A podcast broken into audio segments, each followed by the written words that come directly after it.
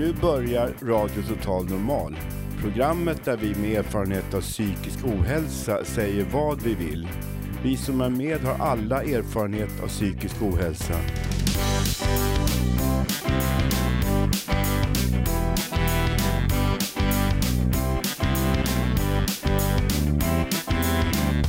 Du lyssnar på radio Total Normal. 101,1. Totalt normalt. Radio Total Normal, torsdagar från två till halv fyra. Vi livesänder med publik från Götgatan 38 i Stockholm. Kom hit och lyssna. Här är alla röster lika värda.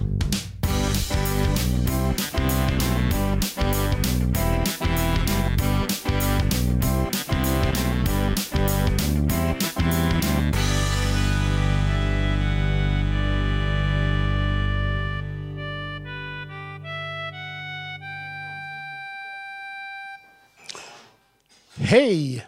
Jag heter Vallo och jag har varit programledare tidigare. Så jag blev radiobiten och ville dela med mig av mer av mina erfarenheter och idéer. Och efter det att vi vann Stora radiopriset som Sveriges bästa närradio så har jag ännu fått fler upp ögonen för hur kul radio kan vara. Solen skiner ute, men också här inne.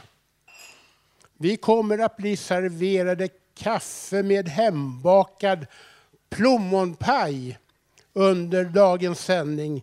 Så välkomna hit och sitt med i publiken, vet jag. Vi sänder live från Götgatan 38. I dagens program får vi höra Karin Lundgren intervjua en flykting om hur han blev torterad som barn. Och vi kommer att få höra ett reportage från radiogalan på Berns. Det var en uppryckande upplevelse och det är inte ofta man har varit på en sån lyxig lokal. Det var en spännande kväll och stämningen var på topp hela tiden. Mr X kommer att berätta om hur det är att återfriskna från psykoser och börja leva ett vanligt liv. Bra att ni har slagit på radioapparaterna för dagens program blir spännande.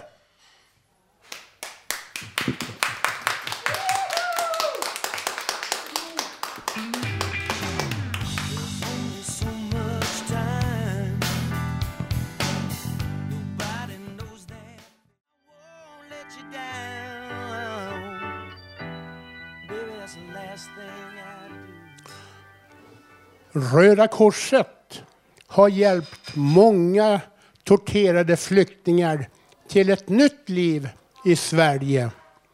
En av dem är Sorin Soara, 26-årig kurd ifrån Irak, som idag lever ett lugnt liv i Stockholm där han arbetar som kock på en av de finare restaurangerna vid Kungsträdgården. Men Sorins barndom är fullt av trauman. Vår reporter Karin Lundgren har träffat honom. Han var bara ett barn när han blev torterad i sitt hemland.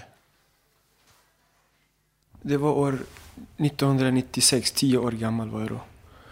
Då hade vi precis kommit hem från eh, den svenska ambassaden i Iran hem till irakiska Kurdistan då.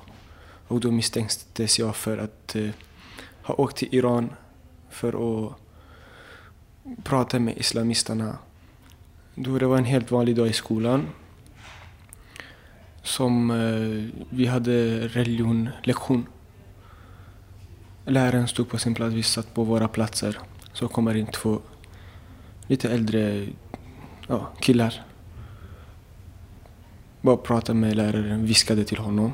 Så ropade de upp fyra namn i klassrummet. En av dem var jag då. Gick vi, fick vi gå iväg med dem ut ur klassrummet till lärarrummet, hans privata rum. Vår religionlärare då. Ställde en massa frågor vad, vi gjorde, vad jag gjorde i Iran. Varför åkte jag dit?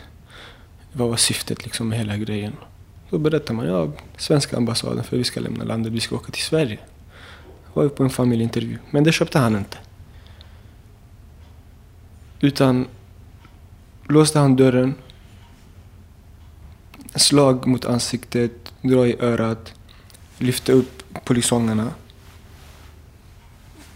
och sparkar och slag e, i, säg 20 minuter. Det spelar ingen roll hur mycket man skriker och gapar och ropar på hjälp för att de utanför dörren, de och läraren som håller på och slår mig, de sitter i samma båt. De tillhör samma grupp. De vet mycket väl vad som händer där inne. Men det händer inget. De gör ingenting. Går 20 minuter.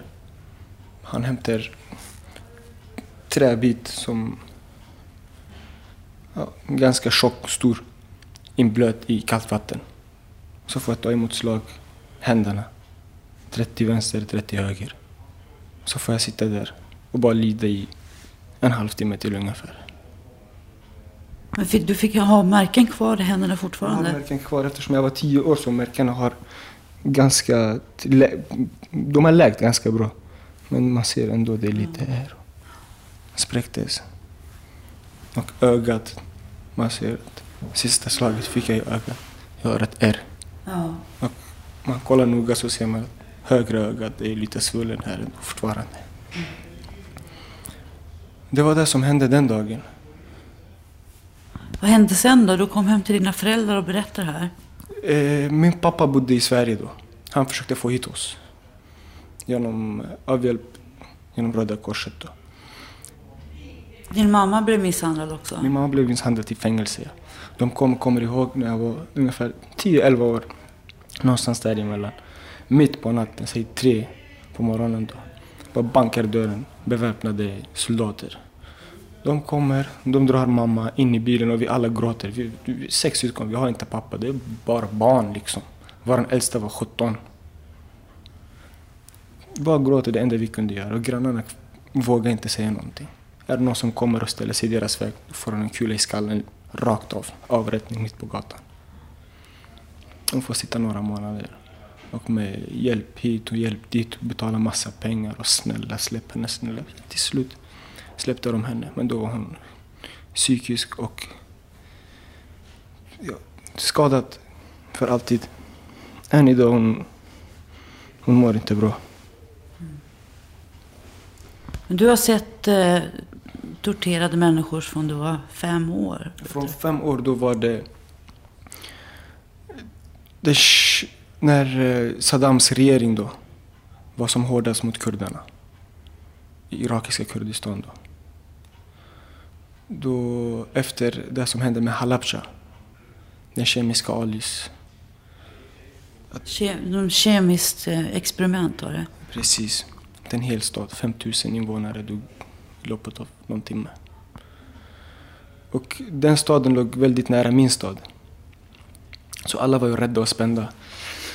Eh, 1991 rymde hela staden. Det är sådana grejer ser man bara på skräckfilmer. Att en hel stad med ungefär 800 000 invånare bara packar sina grejer och flyr till fots mot iranska gränsen. Och det var inte en enda människa kvar i hela staden.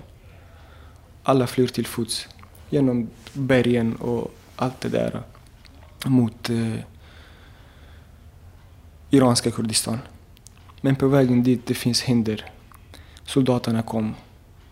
De avrättar folk mitt framför sig. De avrättade sonen till... Mamman stod och kollade på när hennes son blev avrättad och så fick hon betala för kulan. Betalade hon inte för kulan blev hon också avrättad. Folk var tvungna att stå och kolla på. När det här hände mitt framför allihopa. Du såg det här? Det här såg jag som femåring, men just då tänker man inte på det så mycket. Det är nu på senare tid man har försökt dölja det och inte tänka på det. Men än idag när man ser att en kvinna gråter på TV, på filmer eller sådär. Man kan inte det. Jag tål inte att se det. Man ser, hon gråter. Snälla, vad har min son gjort? Hennes son kan vara 13-14 år gammal och får en kula i skallen. Så får mamman betala för kulan.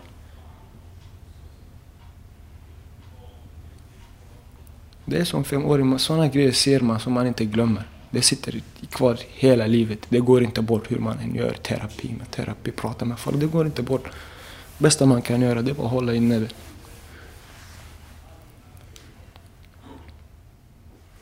Men du har sett sådana otroliga grymheter. Hur klarar du av att leva med det? Tack och lov har man, har man, kommer man från en stor familj. Det, man har inte varit ensam någon. Jag tror ensamheten... Levde man i ensamheten hade man eh, inte klarat av det.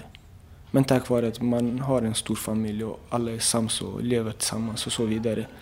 Tänker man inte på det så mycket. Men det är ganska normalt ändå om man kommer därifrån, om man har upplevt det där. För alla har upplevt det. Det är inte bara jag. Det är miljoner. Inte bara en, två. För det är ganska normalt. Du kom till Sverige sen. Jag kom till Sverige 1999 med hjälp av Röda Korset då. Då åkte hela familjen hit. Lämnade landet för gott. Hur många var ni då i familjen? Sex syskon, mamma, pappa, åtta personer i familjen. Idag har pappa flyttat tillbaka till hemlandet. Men inte du. Inte jag. Varför då? Åker man tillbaka dit, då är det samma land som man har lämnat, samma stad, samma ställe.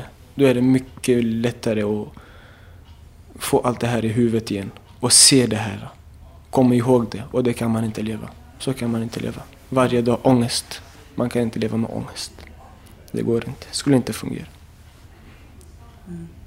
Men du har klarat dig ganska bra här. Du har, in, du har inte gått i någon terapi. Det har jag inte gjort. Första gången officiellt när jag pratar med någon, det är nu när vi sitter. Man har försökt dölja det som en pokerface och se glad ut och hålla humöret uppe alltid. Det är det bästa man kan göra. Man kan inte sitta och tänka på sådana grejer varje dag. Det skulle inte fungera. Det skulle inte gå. Hur har det gått för dig nu då? Du arbetar och... Det har gått bra. Jag har gett mig in på arbetslivet nu senaste tre åren sedan jag gick ut gymnasieskolan. Och lever ganska normalt liv. Jobbar 9 till 5 varje dag. Efter jobbet går jag och tränar. Sen sitter jag hemma och läser en bok eller ja, kollar på något tv-program.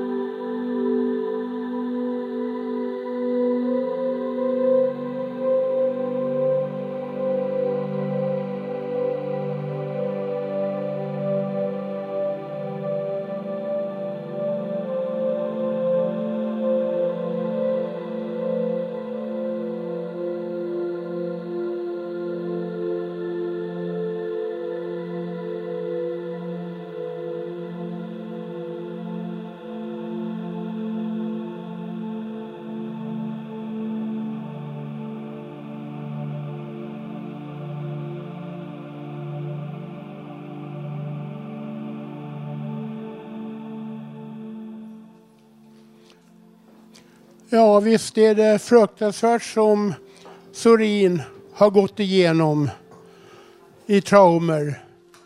Jag vill höra i publiken vad ni tycker om vad han gått igenom. Ja, jag ska säga, men det är lite... Ja, det, det låter ju hemskt alltihop. Det, men eh, skillnaden när vi har, vi svenska Eh, har, är så ensamma. Vi har oftast ingen stor familj omkring oss som stöder oss.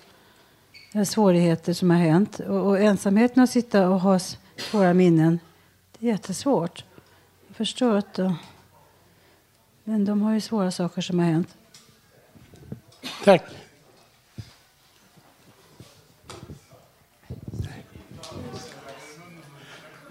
Och nu presenterar jag Robert. Varsågod. Ja, hej. Jag ska göra ett debattinlägg här angående situationen för oss i, i den grupp som vi sägs tillhöra. Hallå? Och, ja, kan du hålla väl? Ja. Vad kan vi göra för er, kallar jag detta. Ett, ett debattinlägg. Visst, jag är en man. Vad har jag som den människa jag är rätt till att få del av i dagens samhälle? Vad tror ni det är som får oss stackare att surra? Vad tror ni att vi tycker och tänker om vad det än är? Tar man en sådan sak som sex. Alla ska ha rätt att skaffa barn. Det, för, det förstår ju de flesta. Men ni, ni stora, normala, självgoda, ni som av arv och hävd fått allt det som vi inte har. Tar ni inte er rätten att säga att de där tokarna inte hade väl det rätt till allt?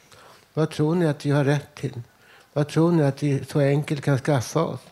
Vad tror ni att vi, att vi så enkelt kan skaffa oss av allt det, det som ni av arv och hävd säger? Detta har alla rätt till. Vad tror ni vi tänker?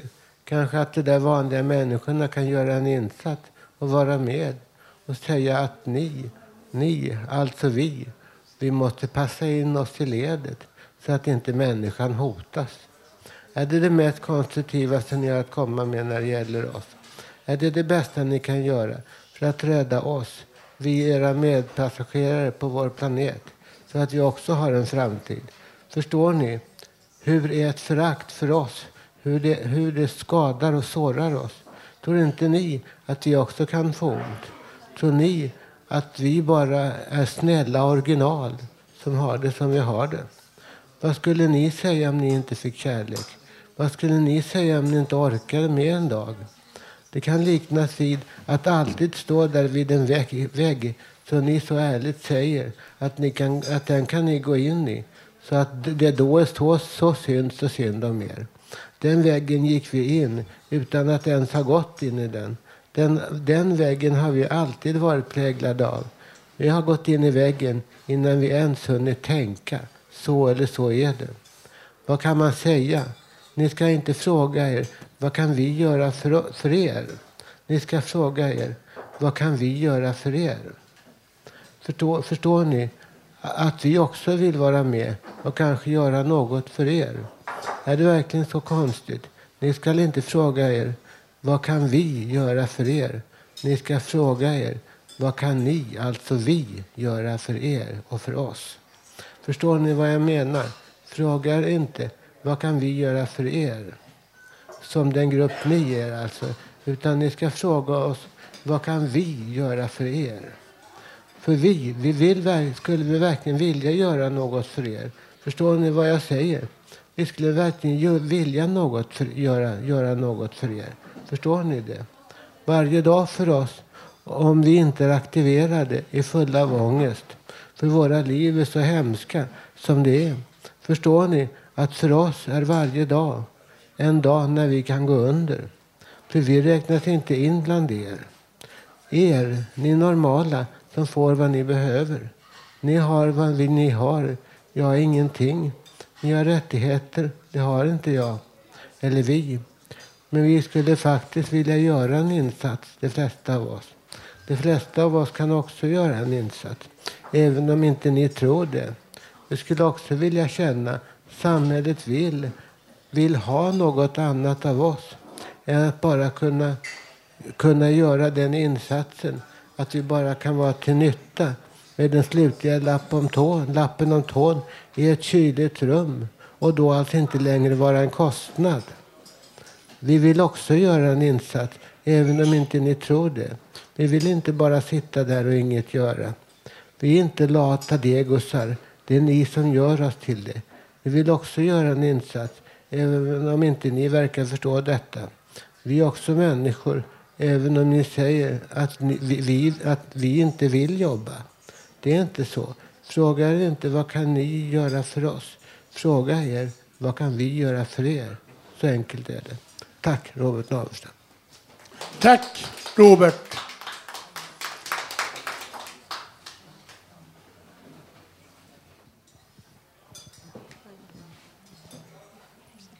Ja.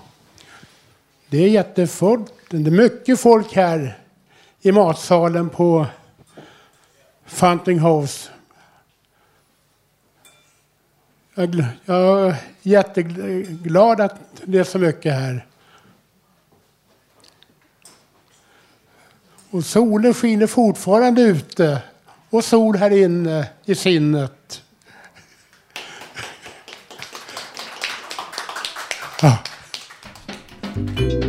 Poesi i Radio Total Normal.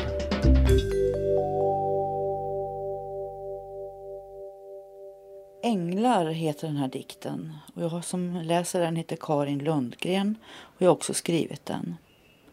Vad rör mig änglar? Vingar av guld har jag förlorat förut och jag har flygit bland molnen och vet hur lätt man faller ner. Vad rör mig änglar? Drömmar av stoft sprids i vinden var dag och jag har läppjat på syndfulla ord som aldrig får plats i en bön.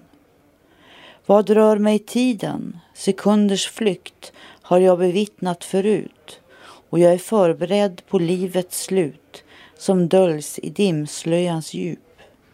Vad rör mig tiden? En kunskap bor i natten och jag bär en gammal visdom av fårad ensamhet som inte kan fångas i ett språk.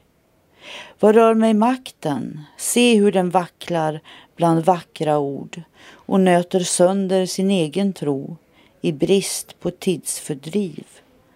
Vad rör mig makten? Rättvisans röst är tyst, men jag vet att den som trampar på andra en gång ska känna var kota som bröts. Vad rör mig änglar? Vingar av guld har jag förlorat förut och tiden flyr och alla drömmar tar slut och makten tar revansch. Vad rör mig änglar? Där kärlek brinner, där brinner jag och klädd i aska och glöd av mitt liv ska jag leende möta min Gud.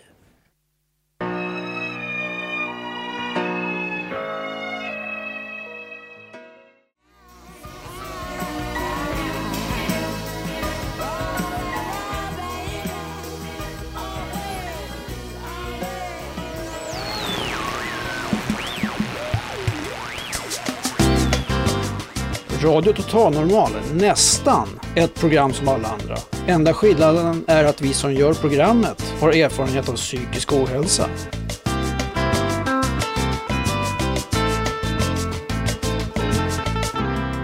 Radio Total Normal. Mr X. Vad händer när man vaknar upp från en psykos?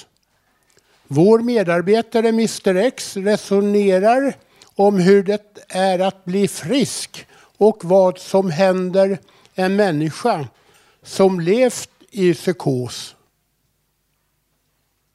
Ja, jag tänker tala lite grann om det problem som uppstår när man återhämtar sig. När folk som har haft speciellt psykosproblem återhämtar sig. De flesta människor som, som lider av psykiska problem och då framförallt psykosproblem återhämtar sig i 40-årsåldern eller kanske något äldre. Men redan i 30-årsåldern så påbörjas återhämtningen och folk brukar må bättre för man känner igen till exempel psykoser och så vidare. Man börjar känna till sina problem och man kan identifiera eh, vad, man, vad som kan uppstå och, så, och förebygga det. Tyvärr är det så att en grupp människor också kan få psykosproblem när de är omkring 40 år och insjukna då. Det kan vara väldigt besvärligt. Tyvärr så vet jag inte så mycket om det men jag känner till några personer som, som har gjort det. Det kan vara väldigt smärtsamt att vakna upp ur, ur psykostillståndet eller kanske, det kan ju vara så att man kanske har haft en psykos var tionde år och det kan ju vara någon som har haft varannat år, det är olika. Men eh, hela tiden så har ju det här gjort att eh, man har haft svårt med eh, att få ett rikt liv som alla andra människor. Och det kan vara så att, att man inte har varit yrkesverksam, man har inte studerat, Man har inte bildat familj och så vidare. Och det gör att när, när återhämtandet kommer så känner man sig värdelös. Och eh, man får svårare att eh, tillfriskna när man tänker tillbaka på alla de förlorade år. Man eh, har kanske haft ett, känt att man har haft varit väldigt betydelsefull. Man har varit ut, eh, man kanske har haft varit utsedd av Gud att utföra någon mission på jorden som man har hållit på med. En del frikyrkopastorer håller ju på så hela livet men de får ju betalt för det. Men den här personen kanske har gjort det på ett sämre sätt. Och eh, då när man då har varit eh, väldigt betydelsefull och sen så eh, vaknar man upp och så inser man att man står längst ner på skalan i samhället. Och därför är det viktigt att psykospatienter redan innan de återhämtar sig kanske får pröva på arbete eller studier. Eh, att arbeta och göra meningsfulla saker är väldigt viktigt för att man ska få ett en kontinuerligt liv. En del kan det vara väldigt viktigt att man kanske har fått barn. Även fast barnet har vistats periodiskt i fosterhem så kan det bidra till att man återhämtar sig, man har någonting att tänka på, någonting att bry sig om och, eh, och så vidare. Eh, men när man då har återhämtat sig då är det viktigt att kunna summera de positiva delarna av ens liv under den tiden man har mått dåligt eller haft problem eller mer eller mindre. En del kanske är handikappade, om man ska ta procenttal så kanske någon är handikappad upp till 90 procent, en annan kanske bara till 10 procent. Så att det är väldigt skillnad på hur sjukdomarna slår också, eller de psykiska problemen kanske man ska säga. Eh, när, när återhämtningen inträder är det framförallt viktigt att eh, koncentrera sig på framtiden. Det är ju viktigare än det som har hänt ändå. Så att det överväger ju. Men, men det här, eh, den, den jobbiga tiden som har varit och de förlorade åren kan göra att hela, hela mm, den friska perioden äventyras. Alltså att man inte förblir frisk. Att man kanske faller tillbaka i det för att man längtar tillbaka till den här betydelsefullheten som, som var bara imaginär eller inbillad. Och det är många, eh, finns olika psyk, psykologiska teorier om eh, just de här personerna som har återhämtat sig. Det finns en teori som säger att kan man senare i livet göra färdigt det man påbörjade i ungdomen, kanske studier eller ett yrkesval, när man kanske är mitt i livet, då kan den här återhämtningen bli permanent. Det var lite eh, tankar om återhämtning. Poesi i Radio Total Normal. Och nu ger jag vår medarbetare Ebba ordet. Varsågod. Ja, tack. Hej, hej. Eh, jag tänkte framföra hörs, verk eh, något av Harriet Löwenhjelm. Jag har läst förut hennes dikter. Och jag ville säga, eh, någon fråga vad hon betyder för mig. Jag tycker därför att hon, hon liknar mig både till utseende kanske och att vara född i en sån speciell familj. Och hon var mycket kristen. Hon fick tidigt tuberkulos, en då obotlig sjukdom. Så det gjorde att hon avled redan vid 31 års ålder, 1918. Och hennes bröder de tyckte hon var, hade en dubbelbottnad natur. Hennes väninna var Honorin Hermelin, var då ganska känd. Hon var någon kvinnosakskvinna. Och hon, eh, den, kristna, den kristna socialismen. Hon beundrade de här väninnorna som hon tyckte var vuxna. För hon tyckte inte att hon någonsin blev det själv. Hon förblev ogift och utan barn. Hennes dikter är mycket sorgsna, också ganska humoristiska och vackra. Så jag tänkte läsa en av dem här nu som heter Det bodde en förste. Det bodde en förste i urvädersgränd, en förste av Guds nåde. Han hade en nabo i Vintappagränd som var illa känd. Det var åttamördaren Tim Tåde. Det levde en förste i stor misär vid stadens svartaste gata. Han hade en underlig umgängessfär, en svartkonstnär och en gammal värdshusragata. Var afton spelte den första en knack med dessa obskura personer. Han lyssnade stumt till deras snack. Det var ju pack och han hade setat på troner. Men tiden blev försten lång och tung förutan vän eller like. Vad skall den göra som varit kung när han var ung men som mistat sitt kungarike?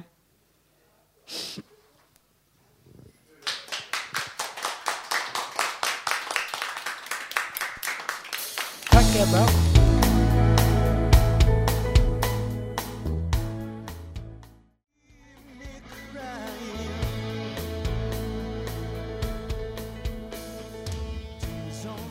Vår reporter Susanna Skogberg är djurintresserad och brinner för frågor som rör djurens väl. Nu ska vi få följa med Susanna till kattstallet där hon har pratat med verksamhetschefen.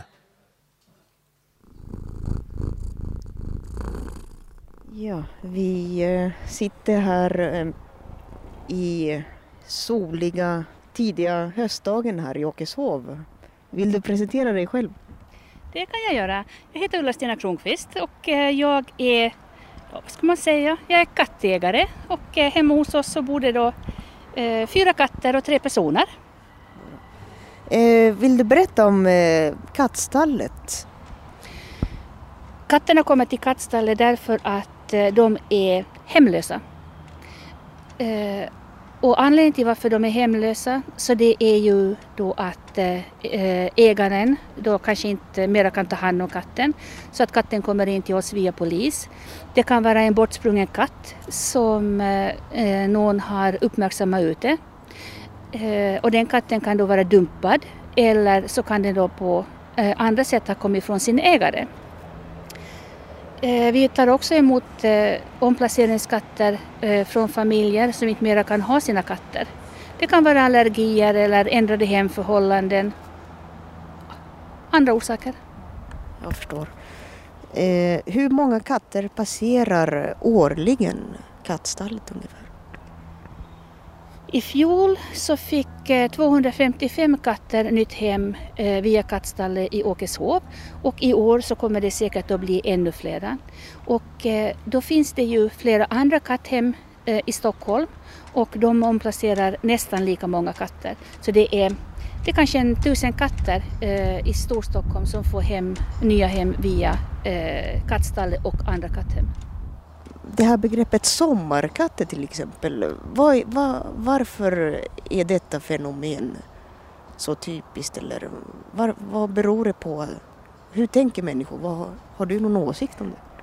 Jo, jag har väldigt mycket åsikter om, om att ta sommarkatter men det är så här att eh, det är klart att man kan, ta, eh, man kan ta katt i sommaren, man kan ta katt i vintern och man kan ta katt när som helst. Men man måste alltid tänka efter väldigt noggrant för att ta du en, eh, skaffar du en katt så tar du också på dig ett ansvar eh, ett mångårigt ansvar för katten. Och de som överger sina katter, om det nu är sen efter sommar, sommarvistelsen eller om det är efter något annat, så, har, eh, så eh, upplever jag det som att de inte riktigt har tänkt igenom. De fattar inte riktigt vilket ansvar det är som de egentligen har tagit på sig. Och det är jättesynd därför att de här katterna klarar inte sig. Utan de eh, går en väldigt, väldigt, väldigt hård tillvaro till mötes. Har du någon aning om hur många hemlösa katter det finns i Stockholm till exempel?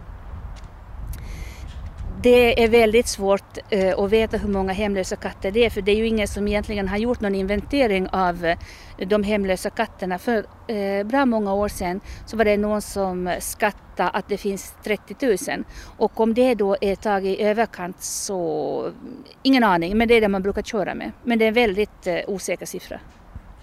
När man tittar på kattpriser, när man tittar på annonser och så, det kan vara från 10 kronor Finns det någon eh, begrepp om eh, till exempel att få lagställt att det ska vara mera mini, minipris för en katt. Finns det sådana regler eller tänkande kring er när ni har det? Eh, det finns ju inte några regler eller några lagar som säger att en katt måste kosta upp till en viss summa. Men alla katthem så tar ju då en rejäl summa för en katt. Och eh, det har då, eh, bland annat att göra med det att man vill höja eh, kattens status och ge katten ett ekonomiskt värde. Det är så här att alla katthem så har eh, hur mycket katter som helst men de har väldigt få raskatter. Därför raskatter blir nästan aldrig utan hem. Eh, och en av anledningarna till det, så det är att raskatterna kostar så mycket så dem sätter man värde på. Lyckas ni placera alla katter som ni har hos er?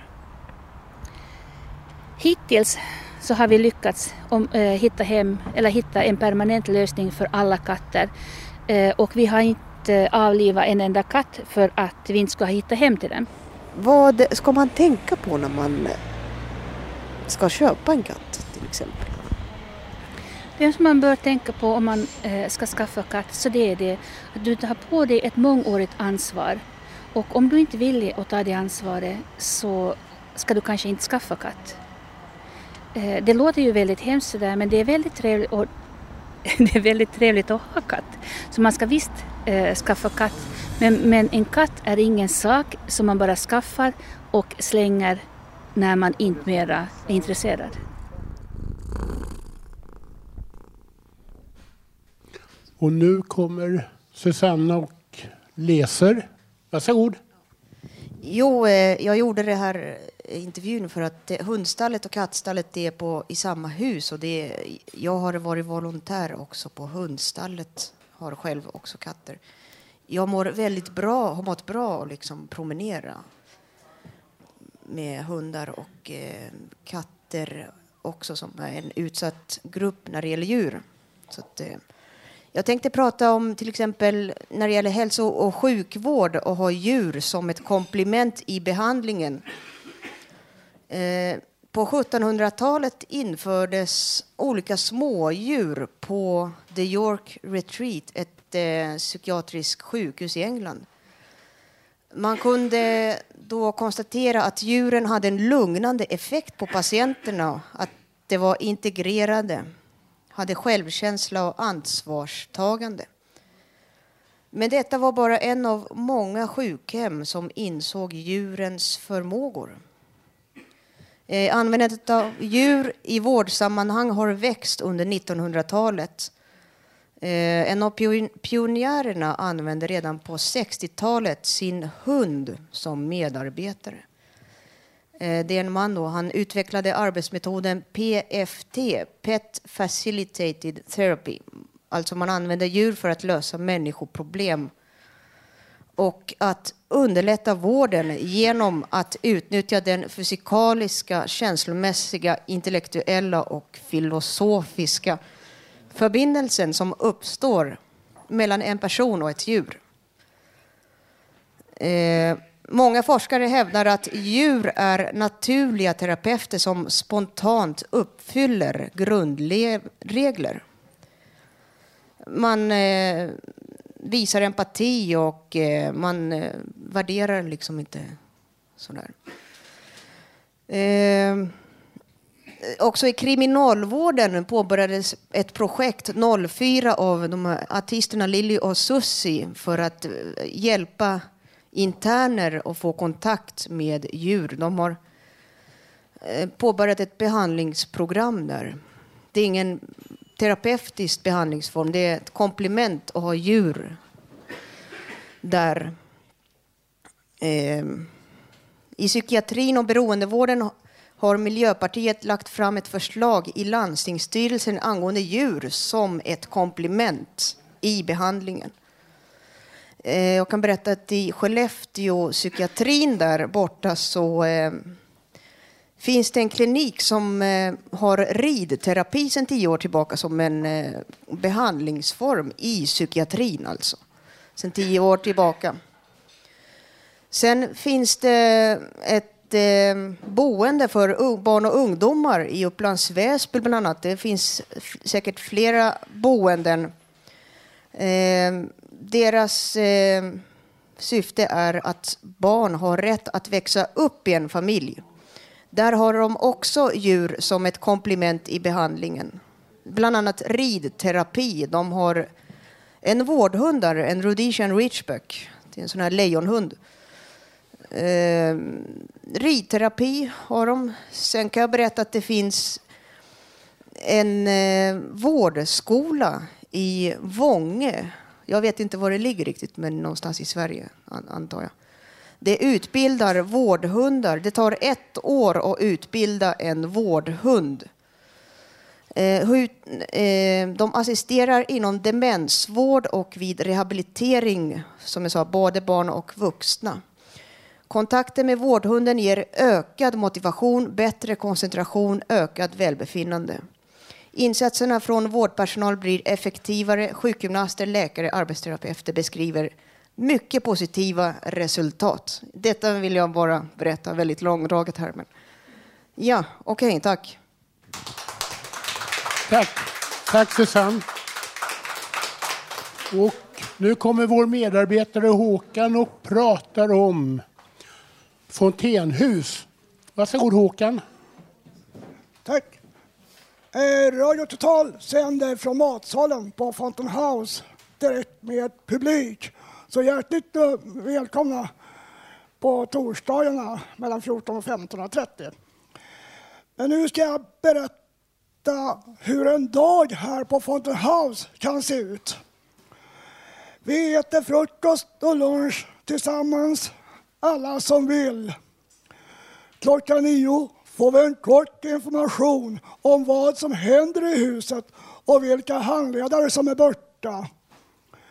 Klockan förmiddagen och eftermiddagen inleds med ett enhetsmöte där man fördelar dagens arbetsuppgifter som är olika i varje enhet. Och alla som är här på Fontänhuset arbetar tillsammans, sida vid sida, både handledare och medlemmar. Här bedrivs ingen terapi och vi blir inte medicinerade. Men handledarna kan hjälpa till med kontakten med olika myndigheter. Och vill ni som lyssnar ha mer information eller boka ett studiebesök, ring då 714 0160. Tack för mig!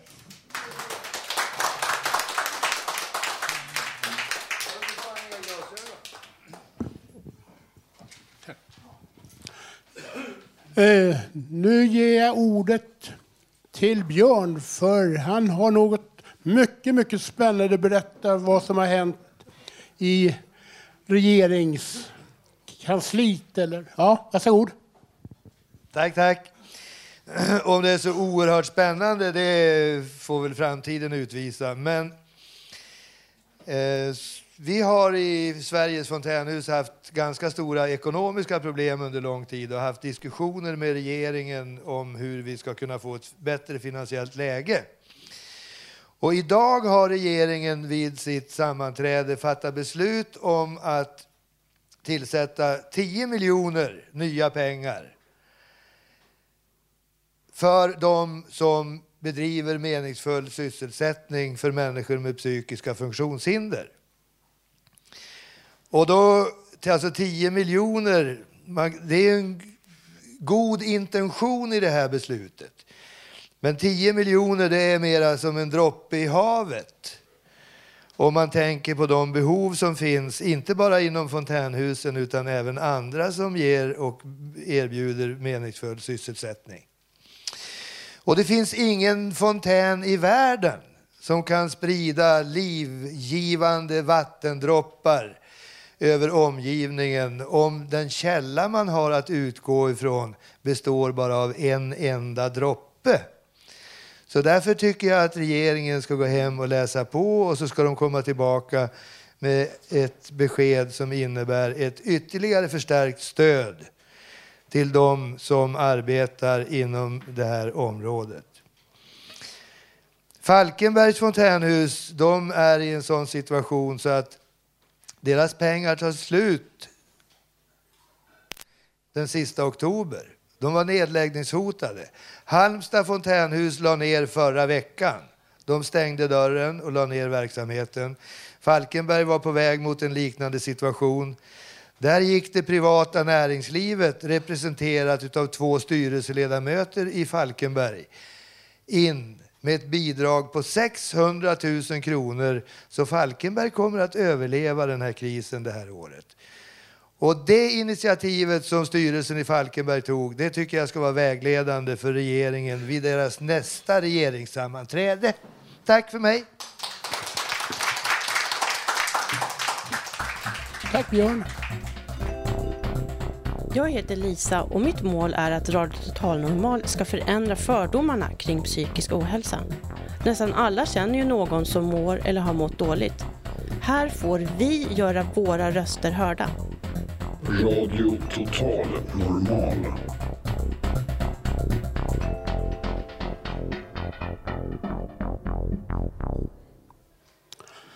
För två veckor sedan var hela Radio Total Normal redaktionen på Berns för att gå på radiogala. Vi hade blivit nominerade till Stora radiopriset i klassen för bästa närradio. Konstantin, hur, hur känns det nu när vi går här vid eh, Norrmalmstorg? Vi är på väg till eh, Kinateatern. Hur känns det? Det känns eh, det lite spännande. Hur kände du när du fick höra att vi har eh, blivit nominerade till Sveriges bästa närradiostation? Jag var glad naturligtvis, men jag vill att vi ska vinna. Du har ju varit programledare ett par gånger. Vad tycker du om det att vara programledare? Det är bra att vara programledare. Du är bra. Du har en sån här lugn, eh, säker, eh, säker eh, attityd. Lugn liksom. Ja, det krävs för att vara programledare. Men det, det är kanske bra med kontraster också. Ja, det är det. det, är det. Håkan, eh, hur, kän, hur känns det? Ja, det känns bra. Men jag kan inte fatta än idag att vi har kommit så här långt som vi har kommit. Det är bra då. Vår målsättning är ju nu att vi ska få bort fördomarna mot oss då. Ja, det tror jag att vi har fått också. Det är bra det. Det, det är bra att prata om eh, jobbiga grejer också för en själv. Då, då, det, det blir inte så stort för det är många som har liknande problem. Hur känns det att gå nu till eh, Kina-teatern? Det känns eh, jättekul. Har du varit här förut? Eh, jag har varit här i närheten på Berns. Ja. Nej, jag tycker det är spännande att få vara med om en sån här sak. Och om vi blir etta, två eller trea, det spelar ingen roll. Det är kul att bara vara med. Ja, ja visst. Det, det är vä- väldigt sensationellt att bli liksom nominerad.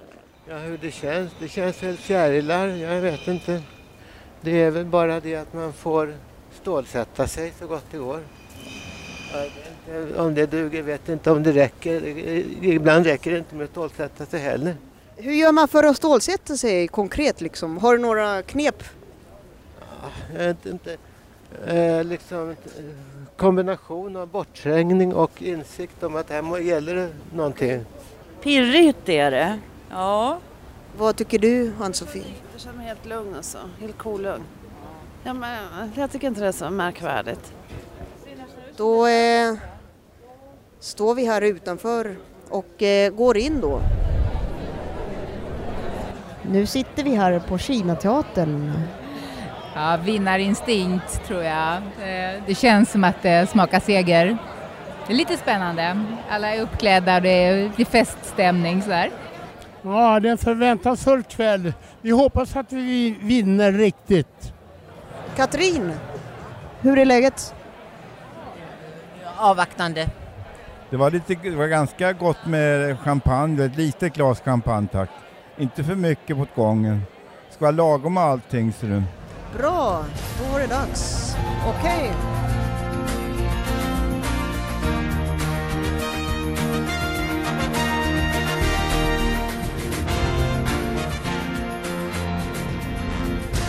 Välkommen till årets radiogala.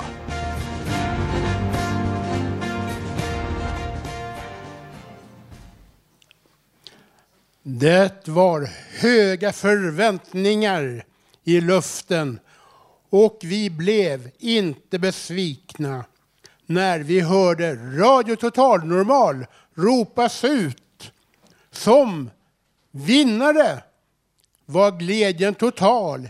Idje, Håkan och Janne klev upp på scenen för att ta emot priset. Idén med Radio Total Normal Eh, var att folk med erfarenhet av psykisk ohälsa skulle få säga vad de ville i direktsänd radio. Lite som en demokratisk grej, att alla ska få liksom göra sin röst hörd och eh, uttrycka sig.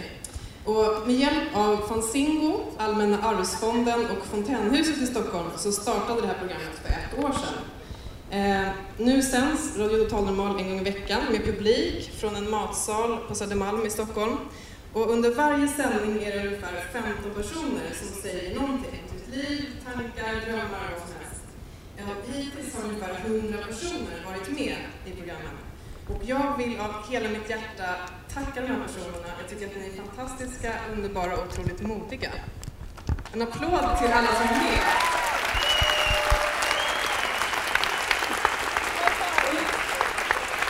Och så vill jag också eh, kommer med ett tips. Det är att Sveriges Radio har något som heter mångfaldspolicy. Man räknar och gör staplar för många kvinnor, invandrare, HBT-personer och funktionshindrade som man har med i sina program. Och då tänkte jag så här att om Sveriges Radio sände några minuter av Radio Total Normal varje vecka skulle statistiken för psykiskt funktionshindrade bli väldigt bra. Så att ni som bestämmer någonting på Sveriges Radio får gärna komma till oss så kan vi. Och här är Janne Holmbrink som är en av våra programledare, vill också säga några ord. Jag ska be att få tacka för det här fina utnämnandet som vi har fått. Jag vill tacka alla som varit med i radion. Idje eh, Maciel och Hanna Chami som varit inspiratörer. Första gången jag hörde var jättearg på Idje.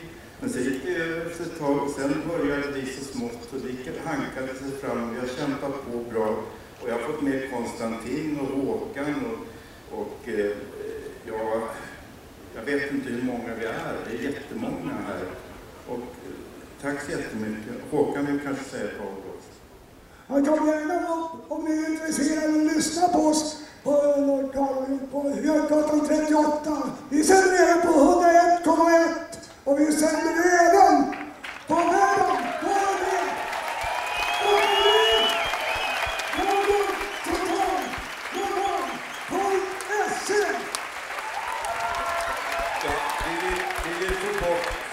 Fördomarna mot oss och de här fördomarna som finns mot oss det är vår enda sjukdom numera. Vi är inga dårar, vi är sköra människor. Det finns inga dårar, det finns bara sköra människor. Tack.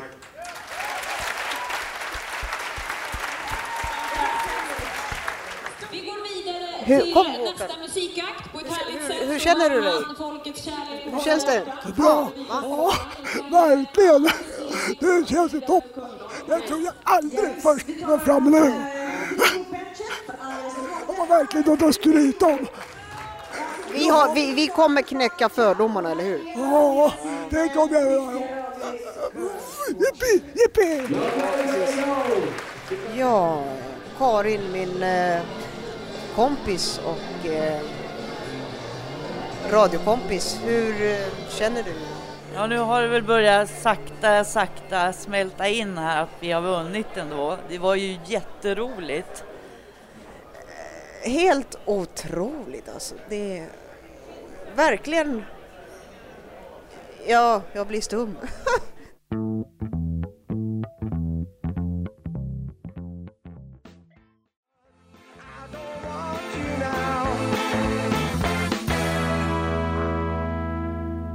gör Susanna och Janne, eh, Susanna och Janne gör eh, intervju på, på Berns när vi äter galamiddag. Det- Radio Total. Ätit mat här nu. Nu har ätit jättegod mat, det var eh, delikatesser. Vi är Sveriges bästa närradiostation. Sveriges bästa. Sveriges bästa närradiostation. 101,1 megahertz www.radiototalnormal.se. Nu går vi vidare du och jag. Ja, nej. Hej, får vi intervjua? Vi får intervjua dig. Ja, vad vet du om psykiskt sjuka människor i Sverige? Oj, ja, det var ju en knepig, knepig fråga just vid den här tidpunkten, men eh, jag vet väl inte så våldsamt mycket om, om psykiskt sjuka människor, förutom att det är en väldigt tragisk sjukdom. Lite konstig fråga så här just. Ja, just det, men det, det är... Vi blev, vi blev nominerade till eh, Sveriges bästa närradiostation. Vi själva som har erfarenhet av någon form av ohälsa gör det här programmet. Så att eh, vi sänder från Götgatan i Stockholm alltså varje torsdag. Så att det är- eh, det, det är liksom, eh, vi knäcker fördomarna med det här. Men det är, Jag är, tycker själv liksom. det är fantastiskt, då säger vi Poodles eh, grattis. Ett stort grattis. Du är i g- gruppen pop, popgrupp eller vad heter det? Vad är med? Ja, vi är väl lite en sån här hårdrocksgrupp då, men, men eh, ja, okej. då, då, då, om ni tycker att vi är toppen, då tycker vi att ni är toppen. Ja, tack så jättemycket. Så hoppas vi på att man, att man eh, får eh, bot på alla dessa sjukdomar. Så att efter alla lyssnar och alla, är, ingen har några psykiska... Vad heter du? Jag heter Kicken. Kick, äh, sa Ja, du? Christian Lundqvist heter jag. Ja, just det. Janne Holmbring heter jag. Tack. Där är Bert-Åke Varg, ett ögonblick. Hejsan, eh, god kväll. Kul att träffa dig. Vad tycker du, eh, är psykisk ohälsa tabubelagt i samhället? Ja, det tycker jag att det är. Och det, det är nog, eh, fruktansvärt att, att det ska vara tabubelagt i samhället. Därför att eh, det här är ju saker och ting som, som man, inte, man, man inte rår för. Utan det är en sak som man ska ha hjälp med och det ska ju samhället naturligtvis ställa upp. Det är det första. Det är det första man, samhället ska ställa upp. Så fort en människa har, har det svårt ska människor ställa upp. Men som det är nu så, eh, så eh, eh, vad ska jag säga, man nedmonterar ju allting eh, i, i den här vägen. Eller har ju gjort det. Och det är ju, det är ju, det är ju inget bra. Ja, Psykiatrireformen. Men jag får tacka så mycket. Tackar. Tack, så mycket. Tack. Ska vi se, vi går vidare här. Kom Janne.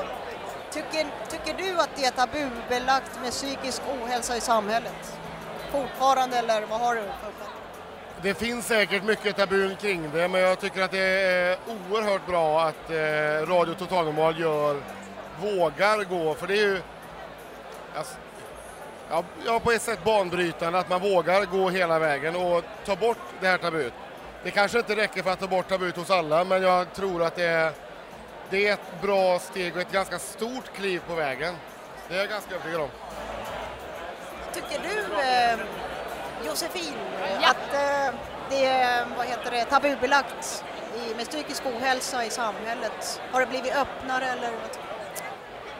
Vi måste vara mycket mer eh, öppna för det annorlunda och eh, liksom vara framför allt också nu, vi snackar media här, liksom inom media också så är det ju väldigt, väldigt så. Det, man ska, det, malla, det mallas in och man ska passa in och det ska vara perfekt och det ska vara... Och jag hoppas att det sker en förändring faktiskt. Jon, Jon Karlung heter jag. Hej. Hej. Det är Radio Total Normal, Götgatan 38. Vi kämpar för oss som har psykiska funktionshinder. Ja. Vi har ju vunnit idag vet du, ikväll. Vi vann, ju- vi vann ju pris i första pris ikväll. Gud vad kul! Ja men det är fantastiskt roligt, verkligen alltså. Ja. Det innebär för många här eh, som har blivit nästan friska av den här radion förstår du. ja. Jo jag förstår det, men det måste ju vara verkligen en, för kreativt hålla på och jobba med någonting som man tycker är kul. Det måste vara jättebra. Hejsan, jag tänkte fråga, eh, har du trevligt? Oh ja, det är fantastiskt trevligt. Du, du vann pris, eh, du var med ett gäng, jättestort gäng, eh, vann pris. Vad var det för radiokanal? Får jag, får jag nämna det här nu? Ja, det var Mix Megapol. Vi vann eh, priset som årets privat lokalradio då. Vi, vi, jag kommer från Radio Total Normal, eh, närradio för, av psykiskt funktionshindrade. Ja! Så att, eh, Det var ni som vann. Ja, Också. precis. Radio Nej men Total gud vad kul, grattis! Ja, tack. Verkligen. Tack så mycket. Eh, känner du någon som eh, mår dåligt och har kontakt i psykiatrin? Eh, ja, vi kan väl börja med mig då kanske, eller ska vi göra det? jag vet inte om det var meningen att jag skulle outa mig själv så här. Nej, men eh, jag står alltid för... Jag är väldigt öppen med mina kollegor också över att jag eh, är... Ja, vad ska jag säga? Det går helt enkelt upp och ner. Och det har varit en lång, lång, lång resa. Jag trodde att det var över, men det visade sig att det var det inte. Och eh, saker som jag går runt och, och tror att människor tänker om mig, som jag eh, alltså jag, jag sätter jättestora käppar i hjulet för mig själv i min vardag varje dag, säg tio gånger om dagen. Eh, just för att jag tänker så negativa tankar om mig. Och idag så fungerar jag ute i arbetslivet eh, och det är jag väldigt glad för. Och jag vet inte hur länge jag kommer göra det. Och jag var väldigt illa däran eh, för en tid sedan. Så det, det, är verkligen så att det går upp och ner hela tiden. Ja, det, det gäller att liksom sänka kraven, köra sitt race. Jag, jag, jag brukar försöka tänka att ja, det, det, det, är lätt att säga men försöka liksom eh, skita i andra helt enkelt. Det är inte, det, det är inte så enkelt. Men... Fast jag ska säga det, en av mina drivkrafter för att göra radio det är för att glädja andra. Det är ju min drivkraft. Eh, och då är det inte så lätt för då är det ju så att jag fortfarande låter alla andra gå före mig själv. Jag vill att alla andra ska vakna och må bra och gör de inte det och så lyssnar de på mig på kvällen och så kanske de känner att åh men det här var lite kul ändå sådär. Eh, så att jag har ju, det är ju en drivkraft och då kan man ju, alltså då blir det är ändå en cirkel som inte riktigt går runt. Alltså jag värnar fortfarande om alla andra utom mig själv. Prestationskraven bör sänkas men ja. tack så mycket. Men jag vill gärna säga grattis till er. Ja, tackar, tackar detsamma. Ni har hört ett inslag från när Radio Totalnormal fick Stora radiopriset den 23 september. Och reportrar på gatan och ute i kändisminglet var vår otröttlige medarbetare Susanna Skogberg och Janne Holmbring.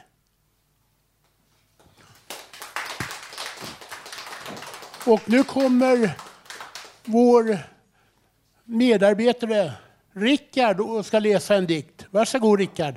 I lugn och ro. Måsar flyger över vatten, svävande efter vågorna, på spaning över kalla vatten. Inget flyter det uh, sin egen väg. Stannar inte, fortsätt, du finner vägen själv. Stanna inte. Som ett streck när molnen hopar sig över dem, rör sig i luften svävande. Vågors hastighet förökas i mångfalder. Fisk, sol och horisont. Du är osynlig för ögat, men jag vet att du finns. Bris, vindar och må måskrik. Fortsätt, det är lugnt. Tack, Rickard. Och nu ska vår medarbetare Kenneth sjunga en av Evert Taubes mest kända låtar. Så länge skutan kan gå.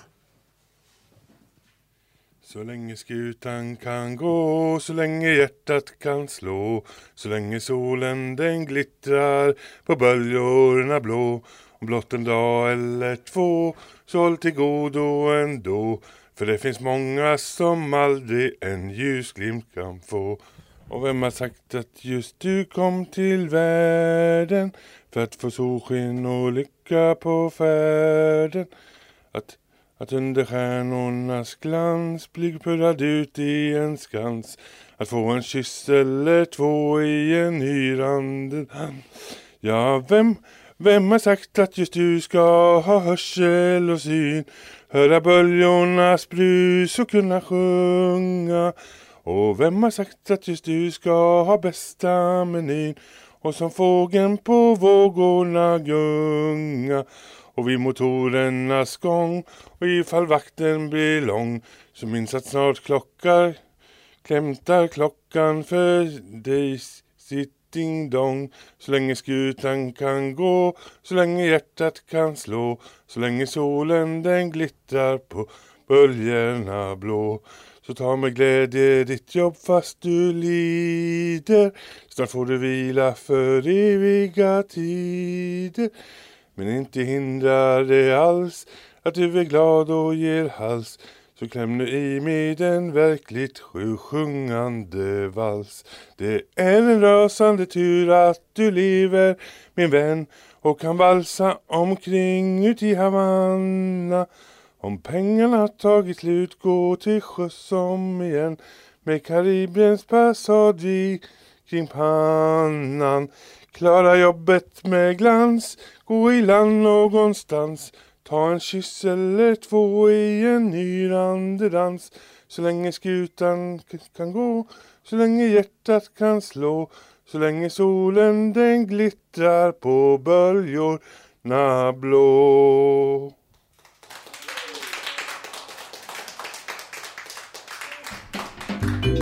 Poesi i Radio Total Normal. Och nu sitter jag bredvid Ulf Torell som ska läsa en dikt. Varsågod Ulf. Ja, oktober 2009. Det var vintersnö snöfall. Idag är fredag. Jag bor i Hammarbygden. Juni, juli var sommar, solsken. Jag är 56. Ett fartyg reste 1969 till 70. Jag arbetade på. Båten kom till Hamburg, Tyskland, Antwerpen, Belgien, sjön Panamakanalen. Var dessutom i Sydamerika. Förra månaden var september, nu är oktober. Igår var torsdag, kanske nästa månad är november. April, maj var i vår. Och efter fredag, 2 oktober. Tack.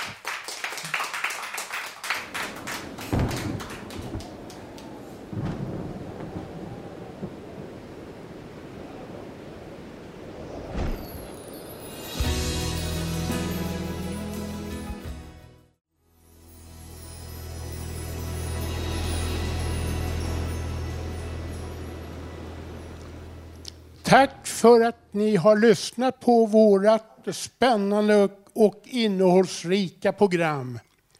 Skulle ni ha missat någonting så kan ni gå in på webben och lyssna i efterhand. Tekniker idag var Gustav Sundén, projektledare Bodil Lundmark och producent Hanna Samlin. Och musiken är vald av Peter. Och jag har varit programledare som heter Vallo Blyhagen. Och därmed tackar jag och mina kära medarbetare för oss. Var rädda om varandra. Tack för mig.